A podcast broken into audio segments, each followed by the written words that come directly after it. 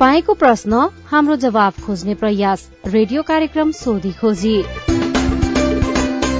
नमस्कार। रेडियो कार्यक्रम सोधी खोजीमा तपाईंलाई स्वागत छ। म सजना तिमल सिन्हा। तपाई यो कार्यक्रम सामुदायिक रेडियो प्रसारक संघ अखुराबद्वारा संचालित सामुदायिक सूचना नेटवर्क सीआईएन मार्फत देशभरिका सामुदायिक रेडियोबाट सुनिरहनु भएको छ।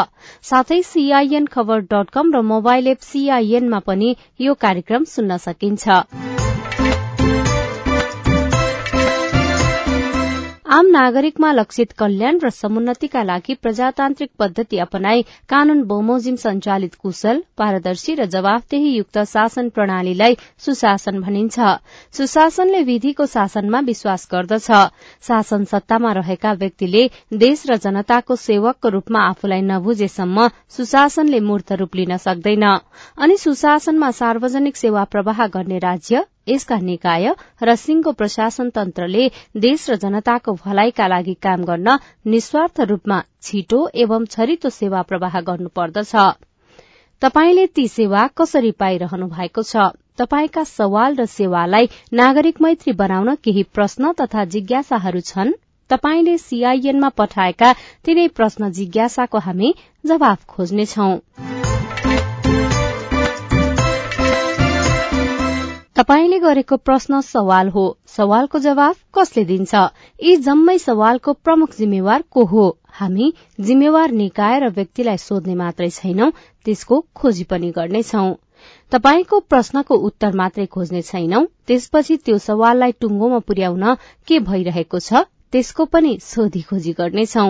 हाम्रो टेलिफोन नम्बर शून्य एक बाहन्न साठी छ चार छमा फोन गरेर आफ्नो प्रश्न रेकर्ड गर्नुहोस्। यस्तै तपाईँले हामीलाई सीआईएनको Facebook page community information network सीआईएनमा गएर पनि आफ्ना कुरा लेख्न सक्नुहुनेछ। तपाई प्रश्न राख्नुहोस् हामी जवाफ खोज्नेछौ कार्यक्रम सोधी खोजीमा। देश संघीयतामा गएपछि सात सय त्रिपन्नवटा स्थानीय सरकार छन्। सात प्रदेश सरकार र केन्द्रमा संघीय सरकार छ। संघ प्रदेश र स्थानीय सरकारबाट सम्पादन हुने काममा ढिला सुस्ती छ अनियमितता भएको छ नियम मिचेर कसैले काम गरेको छ भने तपाईँले ती गुनासा सीआईएनमा राख्न सक्नुहुनेछ। घर दैलोमा सरकार पुगेपछि नागरिकले प्रभावकारी सेवा पाउने र विकासको कामले प्राथमिकता पाउने आशा गरिएको थियो। के? नागरिकले त्यही आशा अनुसारको सेवा पाइरहेका छन्? छैनन् भने ती प्रश्न पनि तपाईँले राख्न सक्नुहुनेछ। आज हामीसँग नागरिकतासँगै स्वास्थ्य र शिक्षाका विषयमा आएका तपाईँका प्रश्न अनि ती प्रश्नको जवाब छन्।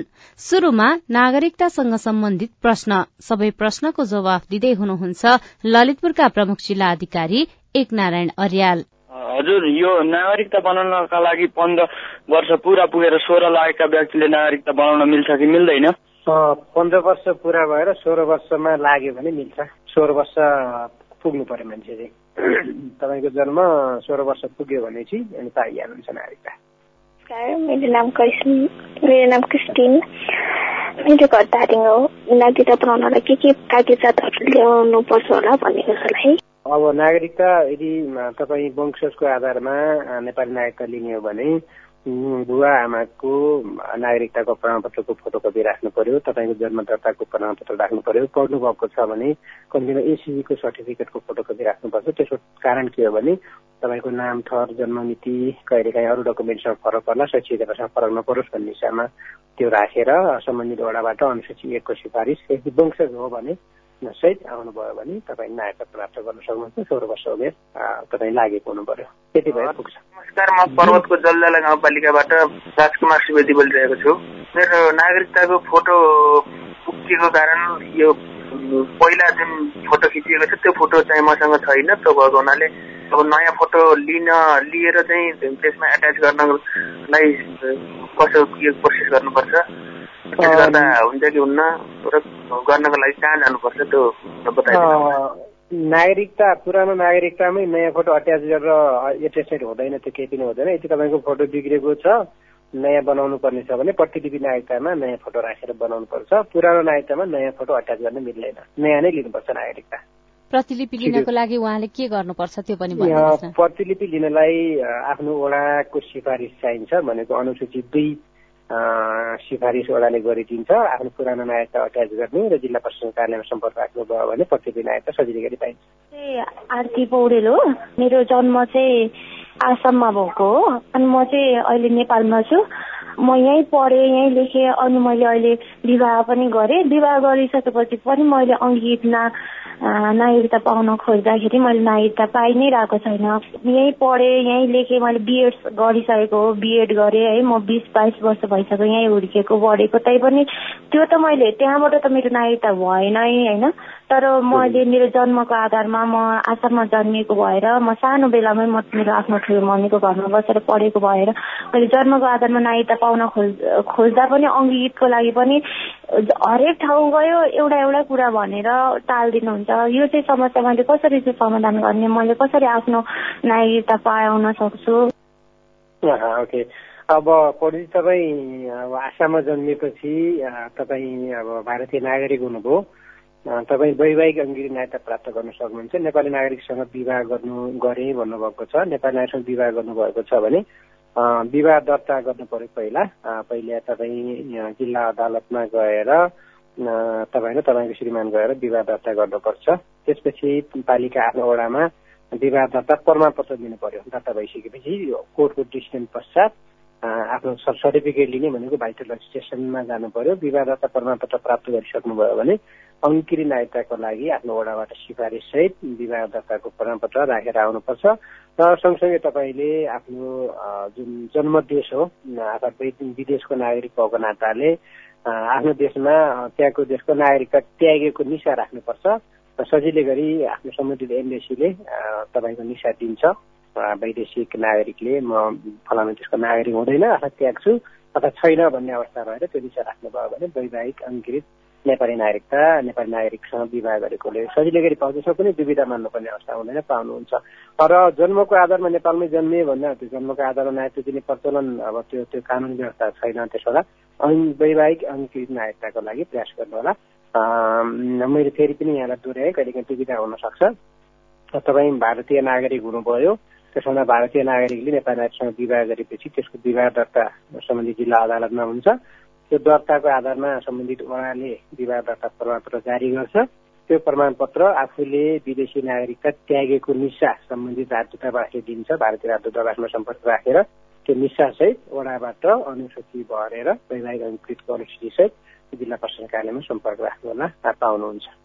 हजुर तपाईँले उता अब भारतको नागरिकता अथवा आसाममा जन्मिएकोले उहाँले उताको नागरिकता त्याग्नुपर्छ भनिरहँदा मैले बनाएकै छैन भनेर भन्नुभएको छ। यो अवस्थामा के हुन्छ? त्यो लेखिदिन्छ।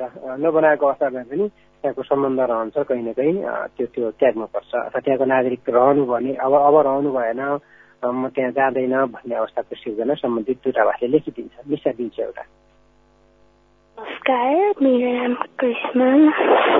मेरो जिज्ञासा यो छ भने कि मेरो बाबा मम्मी हुनुहुन्न तर पनि मैले नागरिकता कसरी तर मैले मेरो बाबा मम्मी भएन भने मैले नागरिकता कसरी बनाउने? बाबा मम्मी अहिले हुनुहुन्न तर पहिचान छ नि बाबा मम्मीको।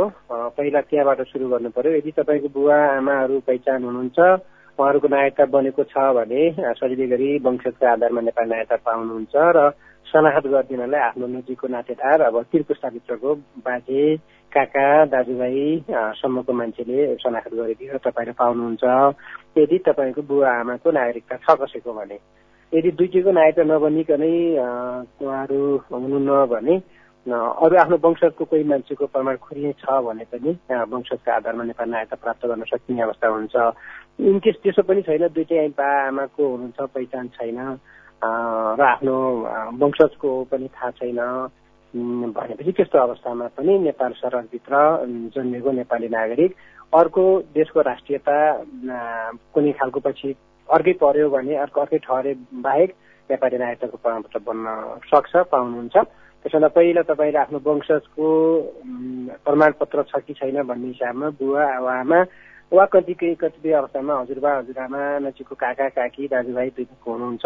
उहाँको पहिचान गर्नुहोस्। त्यो सम्भव भएन त्यो छैन त्यो अस्तित्व देखिँदैन तपाईँलाई थाहा छैन भने नेपाल सरकारभित्र फेला परेको नागरिकको रूपमा तपाईँ जिल्ला प्रशासन कार्यालयमा आफ्नो वडाको सिफारिस जान सक्नुहुन्छ। त्यसका लागि केही प्रक्रियाहरू पुरा गर्नुपर्छ जिल्ला प्रशासन कार्यालयले पनि बुझेर सहयोग गरिदिन सक्छ। त्यसमा फेरि पनि यहाँले के गरिदिनु पर्यो भने कोही नहुने व्यक्तिको हकमा पनि नागरिकता प्राप्त हुन्छ।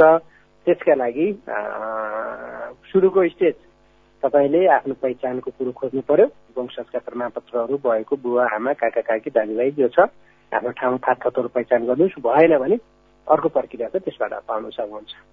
कोही नभएको खण्डमा उहाँले चाहिँ के के कागज पत्रहरू लिएर सिडिओ कार्यालयमा जान सक्नुहुन्छ? यदि कोही छैन घरमै अब भनेको नजिकको नातेदार पनि नभएको अवस्था हो र थाहा पनि छैन ठेगाना पनि थाहा छैन भने म कहाँ थिएँ? मेरो घर कहाँ हो? ठेगानाको बुवा आमाको हो? कहाँ हो? थाहा नभएको अवस्थामा अहिले जहाँ बसोबास गरिरहनु भएको छ त्यो ओडामा ओडाले सिफारिस गरिदिन्छ। त्योसँग चाहिँ अब उसँग थप प्रमाण कागज छ भने अवस्था भएन। त्यसो भने चाहिँ नेपाल सरकारभित्र फेला परेको व्यक्तिको रूपमा छ मुचुल्का शनाखतहरूको व्यवस्था हुन्छ। उहाँले वडा कार्यालयमा गएर आफ्नो जन्म दर्ता गर्नु पर्यो सम्बन्धित पालिकाको वडाको वडा अध्यक्ष नै सूचक बनिएर जन्म दर्ता गरिदिनुपर्छ।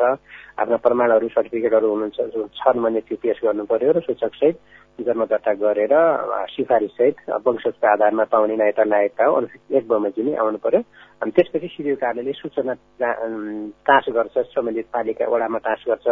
यस विषयमा कुनै दावी विरोध छ कि भन्छ आवश्यकता पऱ्यो भने प्रहरीबाट पनि बुझेर सम्बन्धित पहिला सिफारिस गर्ने व्यक्ति बाहेकका मान्छेहरूको पनि सल्लाह गराएर दिन सक्छ। म वीरेन्द्र दत्त जोशी बैतडी जिल्ला दोगडा गेदार गाउँपालिका। मेरो नागरिकतामा मेरो नाम वीरेन्द्र दत्त जोशी छ अनि मेरो श्रीमतीको नागरिकतामा वीरेन्द्र राज जोशी छ। अब योलाई के गर्नु पर्ला एउटै ठाउँमा दत्त हुनुपर्ने हो। ओके। जोशीजी अब तपाईँको नागरिकता वीरेन्द्र दत्त जोशी र श्रीमतीकोमा वीरेन्द्र राज जोशी भयो। सम्भवतः तपाईँको नागरिकता भन्दा तपाईँको श्रीमतीको नागरिकता पछि बनाउनु भयो आफ्नो नाम राखेर। त्यसमा राज र दत्त चाहिँ संशोधन गर्न मिल्छ श्रीमतीको नाममा। आफ्नो तपाईँको नागरिकताको प्रमाणपत्र राखेर सम्बन्धित तपाईँको विवाह दर्ताको प्रमाणपत्र राखेर वडाबाट फेरि पनि अनुसूचित दुई दुई त्यो प्रतिलिपि छ श्रीमतीको प्रतिलिपि निकालेर नाम संशोधन सहित आउनुभयो भने दत्त राज र दत्तलाई चाहिँ मिलाएर दिन सकिन्छ। हामीलाई आउने धेरै प्रश्न मध्ये यो जुन शैक्षिक शैक्षिक प्रमाणपत्र र नागरिकतामा थर अथवा नाम अथवा बीचको जुन मिडल मिडल नेम भनेर भन्छौ कुमार कुमारी यस्तोमा चाहिँ नमिलेको अथवा फरक भएको के गर्ने भनेर धेरैजनाले सोध्नुहुन्छ। यस्तो गल्ती हुँदाखेरि कसरी सच्याउन सकिन्छ? हजुर त्यो सामान्य त्रुटिहरू विवेक कुमार कुमारी बहादुर छुटेको रहेको अवस्था छ भने शैक्षिक योग्यताको प्रमाणपत्रमा भएका कुरालाई नागरिकता बनिसकेको अवस्था छ भने पनि सामान्यतया संशोधन त्रुटिहरू संशोधन गर्न सकिन्छ। तथापि अब हामीले ध्यान दिनुपर्ने कुराहरू नागरिकता त्यस्तो संशोधनीय विषयवस्तु होइन पटक पटक संशोधन गर्ने मन लाग्दो चेन्ज गर्ने त्यो कल्पना गरेको छैन। कहिलेकाहीँ सामान्य त्रुटिहरू रहन्छ त्यस्तोको हकमा चाहिँ सम्भव हुन्छ। र एसएलसीको सर्टिफिकेटसँग नागरिकता फरक पर्यो भने आफूले यदि पहिले नेपाल नागरिकता लगिसकेको छ भने नागरिकता बमोजिमकै सर्टिफिकेट बनाउनु पर्यो त्यही लेख्नु पर्यो। होइन अब कहिलेकाहीँ बाई मिस्टेक भएको छ भने छ महिनाभित्र आफूले एसएलसी पास गरेको एसी पास गरेको छ महिनाभित्र संशोधनको लागि निवेदन दिनुभयो भने त्यो पनि संशोधन हुन्छ। जिल्ला प्रशासन कार्यालयमै आएर पनि हामीले एउटा एक खालको फैसला भनौँ त्यो फैसला गरेर सम्बन्धित परीक्षा निर्णय कार्यालयमा पठाउँछौँ संशोधन हुन्छ। सकभर आफ्ना डकुमेन्टहरू जन्म दर्ता त्यसपछि शैक्षिक योग्यता र नागरिकता एउटै हुनुपर्छ।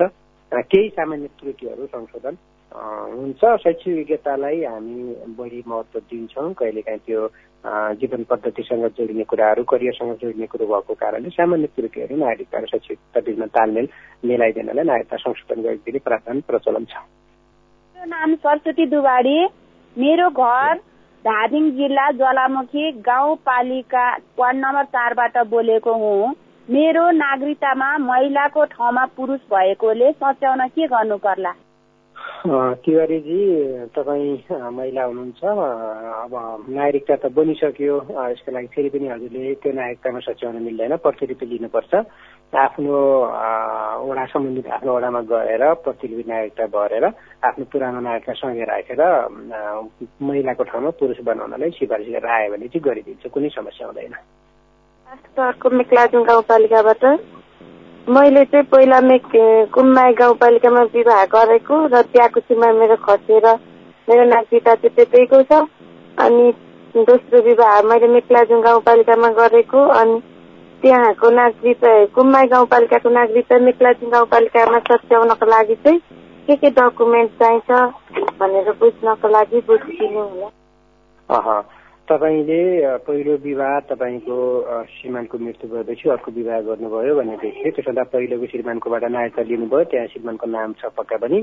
तपाईँले अब नयाँ विवाह गरिसक्नु भएको छ भने पुरानो विवाह दोहोरो विवाह दुईटा विवाह गर्न नेपालको कानुनले दिँदैन। त्यसो हुँदा पहिलाको श्रीमानको मृत्यु दर्ताको सर्टिफिकेट राखेर नयाँ श्रीमानको नयाँ वडाबाट जहाँ हुनुहुन्छ स्थानीय तहमा हुनुहुन्छ त्यही वडाबाट सिफारिस सहित विवाह दर्ता भएको हुनु पर्यो पछिल्लो विवाह हुनु पर्यो त्यहाँ विवाहको आधारमा पहिलाको श्रीमानको मृत्यु भएको राखेर विवाह दर्ता गरेर ल्याउनु भयो भने सिरियो कार्यमा अनुसूची पहिलाको नागरिकताको प्रतिलिपि पाउनुहुन्छ अनुसूची दुई भरेर अब अनुसूची दुई भर्नु पर्यो विवाह दर्ता नयाँ विवाहको विवाह दर्ताको सर्टिफिकेट राख्नु पर्यो पुरानो श्रीमानको मृत्यु भएको सर्टिफिकेट राखेर र तपाईँको अहिले भएको नागरिकता सबै अट्याच गरेर दिनुभयो भने नागरिकता प्रतिलिपि नयाँ ठाउँबाट उहाँ हुनुहुन्थ्यो ललितपुरका प्रमुख जिल्ला अधिकारी एक नारायण अर्याल। नागरिकतासँग सम्बन्धित प्रश्नहरूको जवाफ दिँदै। तपाई अहिले कार्यक्रम सोधी खोजी सुनिरहनु भएको छ। यो कार्यक्रम सामुदायिक रेडियो प्रसारक संघ अकोराबद्वारा संचालित सामुदायिक सूचना नेटवर्क सीआईएन मार्फत देशभरिका सामुदायिक रेडियोसँगै सीआईएन खबर डट कम र मोबाइल एप सीआईएनमा पनि सुन्न सकिन्छ।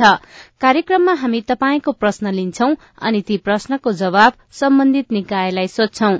तपाई पनि कार्यक्रममा सहभागी हुन सक्नुहुनेछ। त्यसको लागि तपाईँले शून्य एक बान्न साठी छ चार छमा फोन गरेर आफ्नो प्रश्न रेकर्ड गर्न सक्नुहुनेछ। यस्तै सीआईएनको फेसबुक पेजमा गएर आफ्ना कुराहरू लेख्न सक्नुहुनेछ। केही बेर अघि हामीले नागरिकतासँग सम्बन्धित प्रश्नहरूको जवाफ लियौं। ललितपुरका प्रमुख जिल्ला अधिकारी एक नारायण अर्यालबाट। अब स्वास्थ्यको प्रसंग। मेरो नाम ज्ञानु रेग्मी बाजुरा बुढीनन्दा दुईबाट। यो बच्चा दुई वर्ष सात महिनाको भयो। यसको हाइड्रोसिल हर्निया छ। यसको उपचार हुन्छ या हुँदैन? कति वर्षको भइसकेपछि हुन्छ? त्यसको जानकारी गराइदिए हुने थियो हजुर। तपाईँको प्रश्न सुनेपछि बाल रोग विशेषज्ञ डाक्टर गिहराज दाहाल भन्नुहुन्छ। उहाँले भने अनुसारले हर्निया हाइड्रोसिल छ भन्नुभयो होइन? त्यो हर्निया र हाइड्रोसिल भनेको त दुईटा अलग अलग बिमारी हो। अब एउटा बिमारी होइन अब हर्निया भएको कि हाइड्रोसिल भएको सबभन्दा पहिला त हामीले हेर्नै पर्यो त एक्ज्याक्टली। कोही डक्टरले हेरेर आफूले हो कि होइन हर्निया हो कि हाइड्रोसिल भन्नु पत्ता लगाउनु पर्यो यदि हर्निया हो रहेछ भने चाहिँ त्यो चाहिँ अपरेसनै गर्नुपर्छ।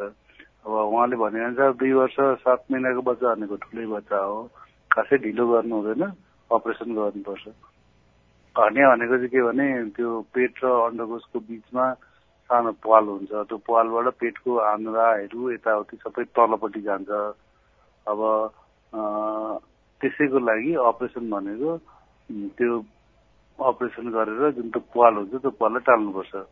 होइन भने कहिलेकाहीँ आन्द्राहरू तल्लोपट्टि गयो भने त्यो पालबाट छिरेर गयो भने र अड्कियो भने चाहिँ यसले समस्या गर्छ आन्द्रा नै कुहुन सक्ने डर हुन्छ ज्यानकै खतरा हुन्छ त्यो भएको भएर यसलाई अपरेसनै गर्नुपर्छ सीआईएनको फेसबुक पेजमा साउदी अरबमा रहनुभएका शमशेर चन्दले आफ्नो साथीलाई क्षयरोग भएको र अब यो रोग आफूलाई सर्ने सम्भावना कतिको छ भनेर जिज्ञासा राख्नु भएको छ शमशेरजी तपाईँको जिज्ञासा मेटाइदिनको लागि हामीले राष्ट्रिय क्षयरोग केन्द्रका नर्सिङ अधिकृत थुमा पुनलाई अनुरोध गरेका छौं यो फोक्सोमा लाग्ने र फोक्सो बाहेक अन्य अङ्गमा लाग्ने भनेर दुई किसिमको हुन्छ यो क्षयरोग र यसमा चाहिँ अब यदि फोक्सोमा लाग्ने फोक्सोमा भएको हो भनेदेखि चाहिँ नजिकमा बस्ने साथीभाइ अथवा परिवारहरूलाई चाहिँ लाग्न सक्ने बढी हुन्छ। र यदि सरेको रहेछ भनेदेखि चाहिँ यो दुई महिना पछाडि यस्तो लक्षणहरू देखिन सुरु भएछ। यो चाहिँ मान्छेको यो प्रतिरक्षा शक्ति भन्ने इम्युन सिस्टम हुन्छ नि त्यसमा भर पर्छ जसको प्रतिरक्षा शक्ति बलियो छ उसमा नसर्न पनि सक्छ। भने अन्य कुनै रोगहरू लागिसकेको छ अथवा चाहिँ प्रतिरक्षा शक्ति एकदमै कमजोर छ भनेदेखि त्यस्तो व्यक्तिहरूमा चाहिँ सर्न छिटो सर्न सक्छ। हजुर एकदम संक्षेपमा भन्नुपर्दा अब जो उहाँले साथीको कुरा गर्नु भएको छ फोक्सोको क्षयरोग रहेछ भने त्यो सर्ने सम्भावना भयो र दुई महिनापछि लक्षण देखिने सम्भावना भयो होइन? हजुर हजुर हो। तर फेरि हन्ड्रेड पर्सेन्ट नै सर्छ भन्ने छैन है। उहाँको इम्युन इम्युन सिस्टमले राम्रो काम गरेको छ भने नसर्न पनि सक्छ।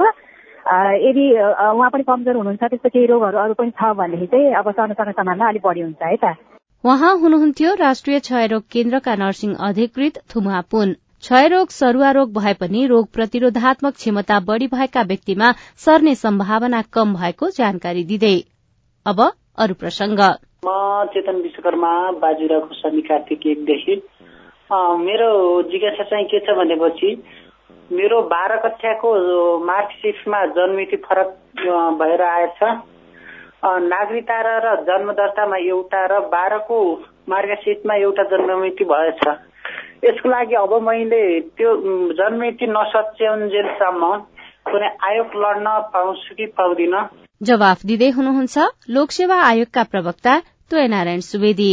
अब जन्म मिति त यहाँले एउटै बनाउनु पर्ने हुन्छ पछि यहाँलाई चाहिँ समस्या पर्न सक्ने सम्भावना देखिन्छ। अहिले त्यति कुराले चाहिँ आएको परीक्षामा फर्म भर्नबाट वञ्चित हुने अवस्था चाहिँ छैन फर्म भर्न पाउँछ जाँदैन पाउँछ तर त्यसले तपाईँलाई चाहिँ पछि अरू थप एकाडेमिक क्वालिफिकेसन हासिल गर्दा अथवा कतै विदेश जान पर्ने भयो भने चाहिँ समस्या पर्न सक्छ। त्यो भएर चाहिँ तपाईँले यो मन लाग्छ अहिले राष्ट्रिय परीक्षा बोर्डले हेर्छ होला यो बाह्र कक्षासम्मको चाहिँ सर्टिफिकेटहरू इस्यु गर्ने व्यवस्था चाहिँ त्यो अनुसार चाहिँ मेरो यो हुनुपर्ने यो हो भनेर चाहिँ त्यहाँ निवेदन चाहिँ जति सक्दो छिटो चाहिँ तपाईँले निवेदन दिनुभयो चाहिँ त्यो अनुसार चाहिँ सचिएर जान्छ अनि ट्रान्सक्रिप्टमा र अनि तपाईँ क्यारेक्टर सर्टिफिकेटमा त्यो बनाउनु भने एउटै गराएर चाहिँ अगाडि बढ्दा उपयुक्त हुन्छ। अहिले लोकसेवा आयोगले त्यति चाहिँ फरक परे आधारमा हामीले परीक्षा दिनबाट वञ्चित गरेका चाहिँ छैनौँ।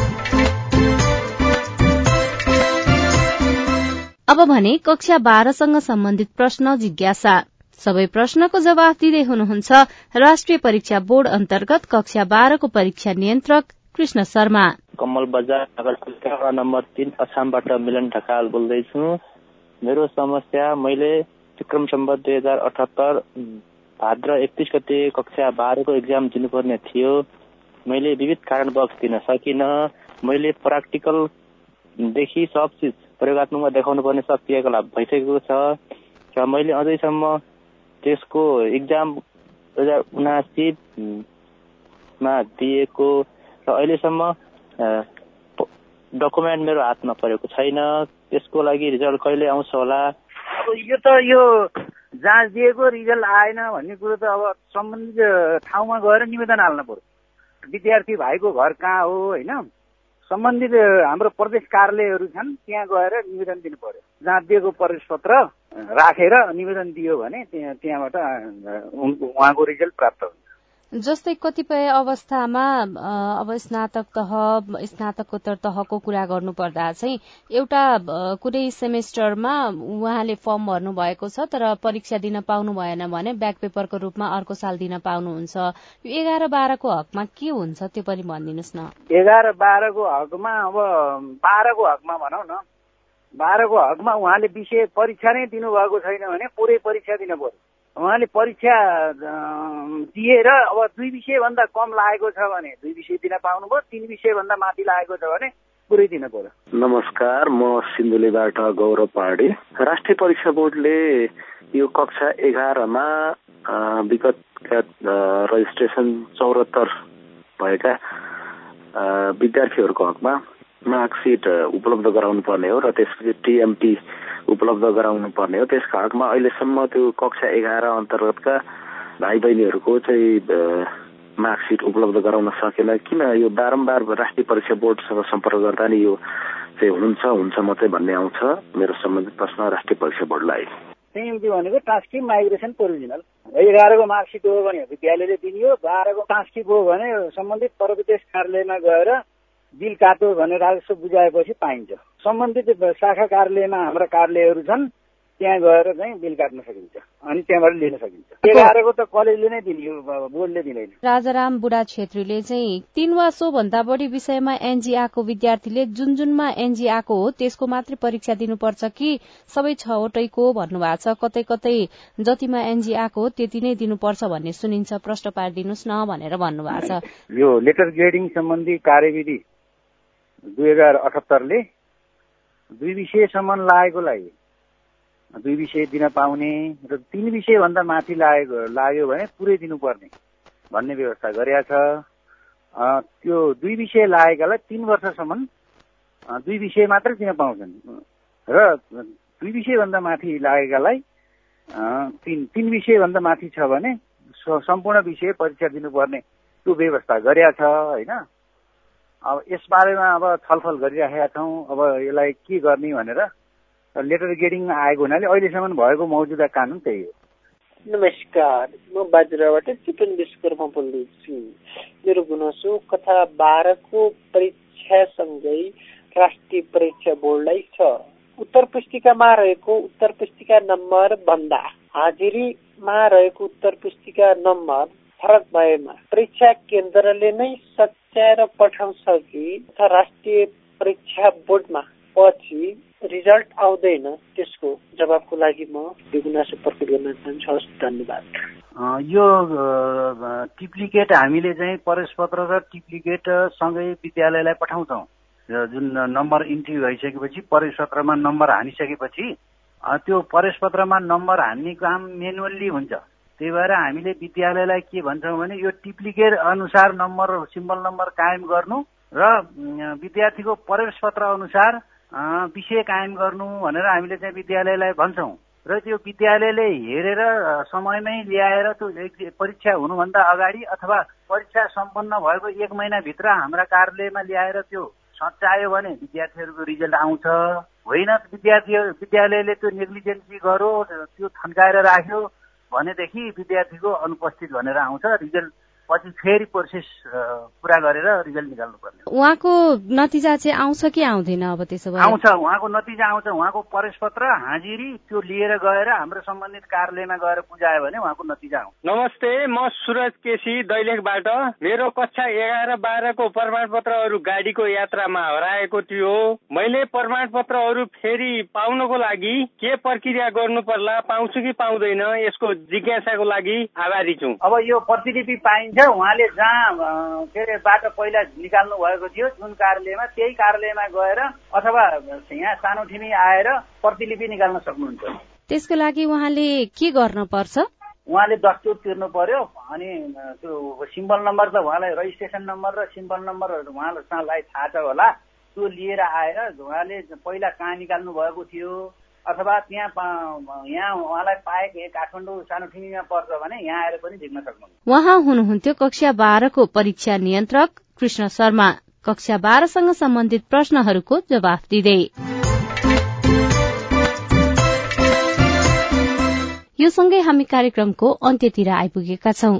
तपाईँहरूको प्रश्नको जवाफ खोज्दा खोज्दै रेडियो कार्यक्रम सोधी खोजीको आजको अंकबाट विदा लिने समय भएको छ।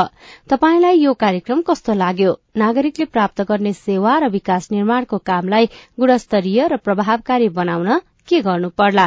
तपाईँका केही सुझाव र टिप्पणी छन् भने हाम्रो टेलिफोन नम्बर शून्य एक बान्न साठी छ चार छमा फोन गरेर रेकर्ड गर्नुहोस्।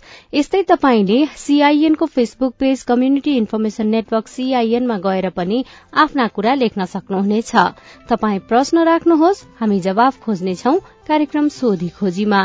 यो कार्यक्रमलाई थप प्रभावकारी बनाउन तपाईँको सुझाव महत्वपूर्ण रहनेछ। हेलो सीआईएनमा हरेक दिन र रेडियो कार्यक्रम मार्फत अर्को हप्ता तपाईँका प्रश्नको जवाफ खोज्दै आइपुग्नेछौ। आजका लागि प्राविधिक साथी सुभाष पन्तलाई धन्यवाद। अहिलेको रेडियो कार्यक्रम सोधी खोजीबाट सजना तिमल सिना विदा हुन्छु। प्रश्न सोध्न अप्ठ्यारो नमानौ। नमस्कार।